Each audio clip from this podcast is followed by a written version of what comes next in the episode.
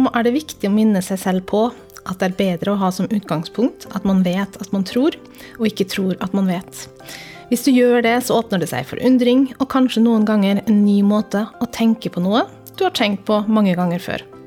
Innimellom er det viktig å la tankene fly helt uten mål, og kanskje på den måten finne noe nytt. Velkommen til en ny episode av Innimellom, Flux forlag sin podkast. Er det en tettere forbindelse mellom det psykiske og fysiske enn vi har trodd? Kan emosjonelle traumer føre til fysisk sykdom? Og hvorfor tar i så fall ikke helsevesenet dette i betraktning? Mitt navn er Kristine Oddvin Andersen, og jeg jobber som kommunikasjonsmedarbeider i Flux-redaksjonen. I dag vil jeg dele et eh, løst sammensatt utdrag av en av våre definitivt mestselgende bøker, eh, som jeg vil påstå at stadig er like aktuell. Det er Gabor Matés bok 'Når kroppen sier nei prisen vi betaler for skjult stress'. Den er utgitt eh, på norsk ved Flux forlag i 2017 og oversatt av Camilla Jensen. Gabor Maté er da en ungarsk-født kanadisk lege som har spesialisert seg på nevrologi, psykiatri og psykologi. Han har jobba i over 20 år som privatpraktiserende lege, og han eh, var medisinsk koordinator ved avdelingen for palliativ omsorg på sykehuset i Vancouver i sju år. Bøkene hans er oversatt til tolv språk, og han har eh, i 2021 også vært aktuell med eh, dokumentaren The Wisdom of Trauma. Boka 'Når kroppen sier nei' handler om hvordan ubearbeida traumer og emosjonelle sår, store som små, etter hvert kan manifestere seg som fysisk sykdom. I dette utdraget får du høre om Mary, hennes kamp mot en autoimmun sykdom, og Mathés tanker omkring årsaken til sykdommen. Mary kom fra en slekt av urinnvånere. Hun var i begynnelsen av 40-årene, liten av vekst, vennlig og hadde en ydmyk fremtoning. Hun var pasient hos meg i åtte år. Det samme var hennes mann og tre barn. Smilet hennes røpet en skyhet og en anelse selvutslettelse. Hun hadde lett for å le, og når det evig unge ansiktet hennes lyste opp, var det umulig ikke å svare med samme mynt. Jeg blir fortsatt varm om hjertet og sorgtung når jeg tenker på Mary. Vi hadde ikke snakket så mye sammen før sykdommen, som nå var i ferd med å ta livet av henne, ga seg til kjenne med de første symptomene. Til å begynne med virket det uskyldig nok, et stikk fra en synål på en fingertupp, som selv etter flere måneder ikke ville gro. Problemet besporet tilbake til Reynauds fenomen, en tilstand der de små blodkarene som forsyner fingrene med blod, snevrer inn og tilførselen av oksygen til vevet hindres. Dette kan føre til koldbrann, noe som dessverre var tilfellet for Mary. Til tross for flere sykehusopphold og kirurgiske inngrep ba hun etter etter et år på sine knær om å få fingeren amputert for å slippe den bankende smerten. Da hun omsider fikk ønsket sitt oppfylt, hadde sykdommen tatt overhånd, og de konstante smertene lot seg ikke døyve av selv sterke medikamenter. Dessverre viste det seg at Reynaud-tilfellet bar bud om noe mye verre. Mary fikk diagnosen sklerodermi, en av de mange autoimmune sykdommene som inkluderer leddgikt, ulcerøs kolitt, systemisk lupus og mange andre tilstander hvis opphav ikke bestandig anerkjennes som autoimmune. Eksempler på dette er diabetes, multippel sklerose og muligens til og med Alzheimers sykdom. Felles for dem alle er at kroppen angripes av sitt eget immunsystem, noe som fører til skade på ledd, bindevev, eller et nær sagt hvilket som helst organ, enten det er øyet, nerven, nervene, huden, tarmene, leveren eller hjernen. Hva er det som skaper denne indre borgerkrigen i kroppen? Skolemedisinske lærebøker har en utelukkende biologisk innfallsvinkel. I noen få enkelttilfeller er toksiner nevnt som utløsende faktor, men stort sett antas en genetisk predisposisjon å være hovedårsak og skolemedisinsk praksis gjenspeiler denne begrensede fysiske tankegangen.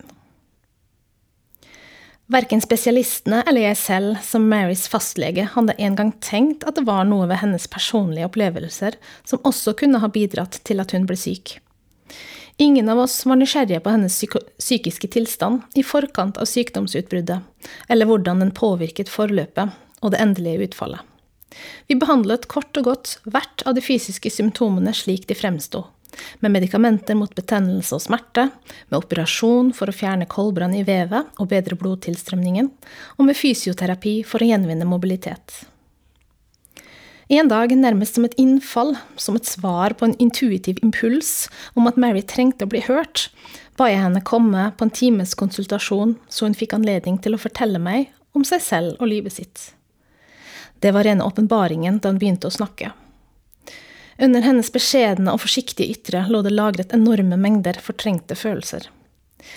Mary var blitt mishandlet som barn, forlatt og sendt fra det ene fosterhjemmet til det andre. Hun hadde minner om at hun satt sammenkrøpet på loftet og vugge sine yngre søstre i armene mens fosterforeldrene kranglet og skrek nedenunder. Jeg var så redd hele tiden, sa hun, men som sjuåring måtte jeg passe på søstrene mine, og ingen passet på meg. Hun hadde aldri snakket om disse traumene før, ikke engang med mannen hun hadde vært gift med i 20 år. Hun hadde lært seg til ikke å gi uttrykk for noen som helst følelser til noen som helst, heller ikke seg selv. I barndommen ville det å gi uttrykk for følelser være sårbar og stille spørsmål, være forbundet med fare. Trygghet for henne lå i å ta hensyn til andres følelser, aldri sine egne. Hun var fanget i en rolle hun hadde blitt tvunget inn i som barn, uten å være klar over at også hun hadde rett til å bli tatt vare på og bli lyttet til og var verd oppmerksomhet. Mary beskrev seg selv som ute av stand til å si nei. Hun tok tvangsmessig ansvar for andres behov. Selv da hun begynte å bli alvorlig syk, fikk mannen og de snart voksne barna all omsorg. Sklerodermien var kanskje kroppens måte og endelig kunne avvise denne altomfattende pliktoppfyllelsen på.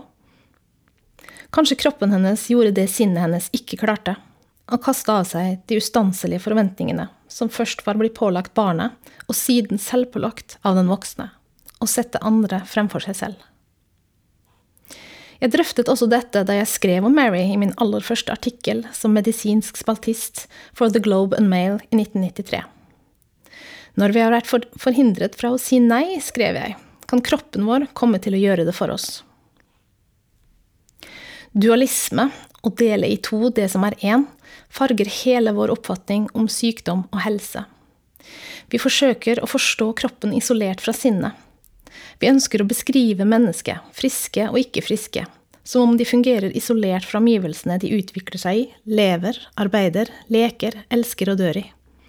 Dette er en skjult, innebygget forutinntatthet i det ortodokse medisinske miljøet, som de fleste leger blir en del av i utdanningsløpet, og som de viderefører i sin praksis. Ulikt mange andre disipliner har medisinen ennå til gode å ta inn over seg en vesentlig del av Einsteins relativitetsteori. At utgangspunktet til en observatør vil ha innflytelse på fenomenet som blir observert, og påvirke resultatet av observasjonen. En forskers antagelser om noe som ikke er undersøkt, vil både være avgjørende og begrensende for hva han eller hun kommer til å oppdage, noe den tsjekkisk-kanadiske pioneren innen stressforskning Hans Selje påpeker.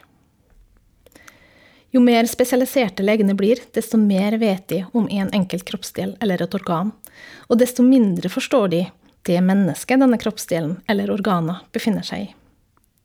Dem jeg har intervjuet til denne boken, forteller tilnærmet enstemmig at verken spesialister eller fastlegen oppfordret dem til å utforske sitt personlige og subjektive livsinnhold. Om noe følte de snarere at en slik dialog ble frarådet i de fleste situasjoner hvor de hadde kontakt med medisinere. I samtaler jeg har hatt med spesialistkollegaer om de samme pasientene, kommer det frem at selv etter å ha hatt pasienten til behandling i mange år, kunne en lege være fullstendig uvitende om vedkommendes liv og erfaringer utover det smale temaet som handlet om sykdommen. I denne boken har jeg bestemt meg for å skrive om den effekten stress har på helse, især den skjulte formen for stress som vi alle har med oss fra våre første leveår. Et mønster som er så dypt og subtilt at det føles som en del av vårt virkelige selv. Den samvittighetsfulle bruken av vitenskapelige metoder har bidratt til enorme fordeler for menneskeheten. Bare en intellektuell bakstrever ville kunne avvise dette. Men det er ikke all vesentlig informasjon som kan bekreftes i et laboratorium eller av statistisk analyse. Ikke alle aspekter ved sykdom kan reduseres til fakta verifisert av doble blindtester og rigide vitenskapelige metoder. Vi begrenser oss sannelig til et trangt landskap dersom vi utelukker menneskelige erfaringer og innsikt som bidragsytere til allment akseptert kunnskap. Noe har gått tapt for oss. Gjennom århundrene har mange leger hatt en forståelse for at emosjoner er dypt involvert som årsakssammenheng i sykdom og gjenoppbygging av helse. De gjorde undersøkelser, skrev bøker og utfordret den rådende medisinske ideologien. Men tankene deres, utforskningen og innsikten deres forsvant i et slags medisinsk bermudatriangel. Den forståelsen av sammenhengen mellom kropp og sinn som tidligere generasjoner leger og forskere oppnådde, er sporløst forsvunnet, som om den aldri hadde sett dagens lys. Immunsystemet eksisterer ikke løsrivet fra våre daglige erfaringer. Man har f.eks. sett at et ellers normalt fungerende immunforsvar hos unge, friske medisinerstudenter reduseres når de utsettes for eksamenspress. Selv uten ytterligere forskningsmateriale, skjønt dette foreligger, må man ta i betraktning langtidseffekten av kronisk stress. Eksamenspress er noe åpenbart og forbigående, men mange mennesker lever mer eller mindre bevisst under oppsyn av en mektig og dømmende eksaminator, som de opplever å måtte behage til enhver tid. Mange av oss lever, om ikke alene, så i emosjonelt sett mangelfulle relasjoner, som verken anerkjenner eller oppfyller våre innerste behov. Isolasjon og stress kan påvirke også dem som er av den oppfatning at livene deres er ganske tilfredsstillende. Hvordan kan stress forvandle seg til sykdom? Stress er en kompleks kaskade av fysiske og biokjemiske responser på kraftig emosjonelt stimuli. Fysiologisk sett er emosjoner elektroniske, kjemiske og hormonelle utskillelser fra menneskets nervesystem. Emosjoner påvirker og lar seg påvirke av funksjoner i våre vitale organer, indre prosesser i immunforsvaret og virkningen av de mange biologiske substansene som er i sirkulasjon for å understøtte og styre kroppens fysiske tilstand. Når man fortrenger følelser, slik Mary måtte da hun søkte trygghet i barndommen, vil denne hemningen avvæpne kroppens forsvar mot sykdom. Fortrengning, adskillelsen mellom følelser og bevissthet, og henvise dem til det underbevisste, bringer vårt fysiologiske forsvarsverk i uorden og ute av stand til å organisere seg. Hos noen går det så galt at det som skulle beskytte helsen, ender opp med å ødelegge den. Det er følsomme saker å åpne for muligheten av at måten folk har levd livene sine på, kan bidra til at de blir syke. Forbindelsen mellom atferd og påfølgende sykdom er åpenbar i et tilfelle som la oss si røyking og lungekreft.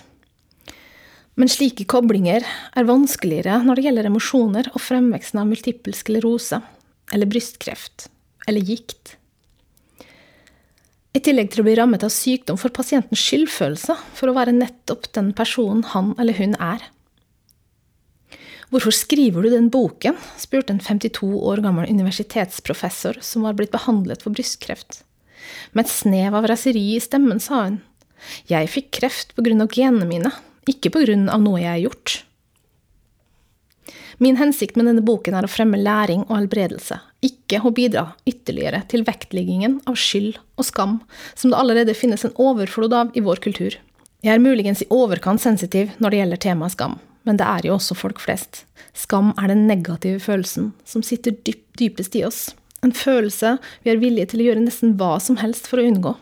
Dessverre svekker vår fryktdrevne flukt fra skam vår evne til å se virkeligheten slik den er. Til tross for mange legers iherdige innsats døde Mary på Vancouver Hospital av komplikasjonene som følge av sklerodermien, åtte år etter at hun fikk diagnosen.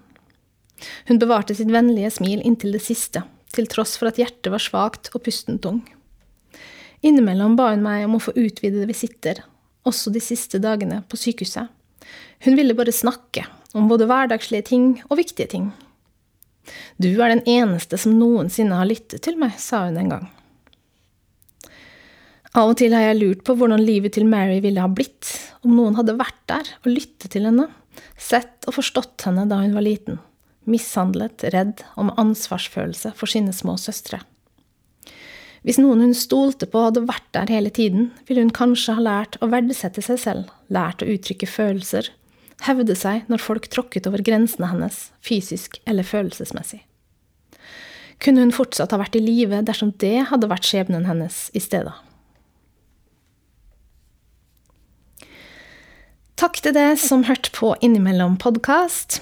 Flux betyr bevegelse, og vi ønsker nettopp å bevege tanken. Du har nå innimellom alle dagens gjøremål lytta til noe som vi håper vil inspirere deg til å tenke litt annerledes. Lydtekniker til denne podkasten har vært Denny Young og Gong Productions. Musikken du hører, er laga av Olve Flakne, spesielt til oss i Flux. Du kan lese mer om oss og vårt arbeid på flux.no. Der vil du finne mer informasjon om våre bøker, våre prosjekter og aktiviteter. Du kan også følge Flux forlag på Facebook og Instagram.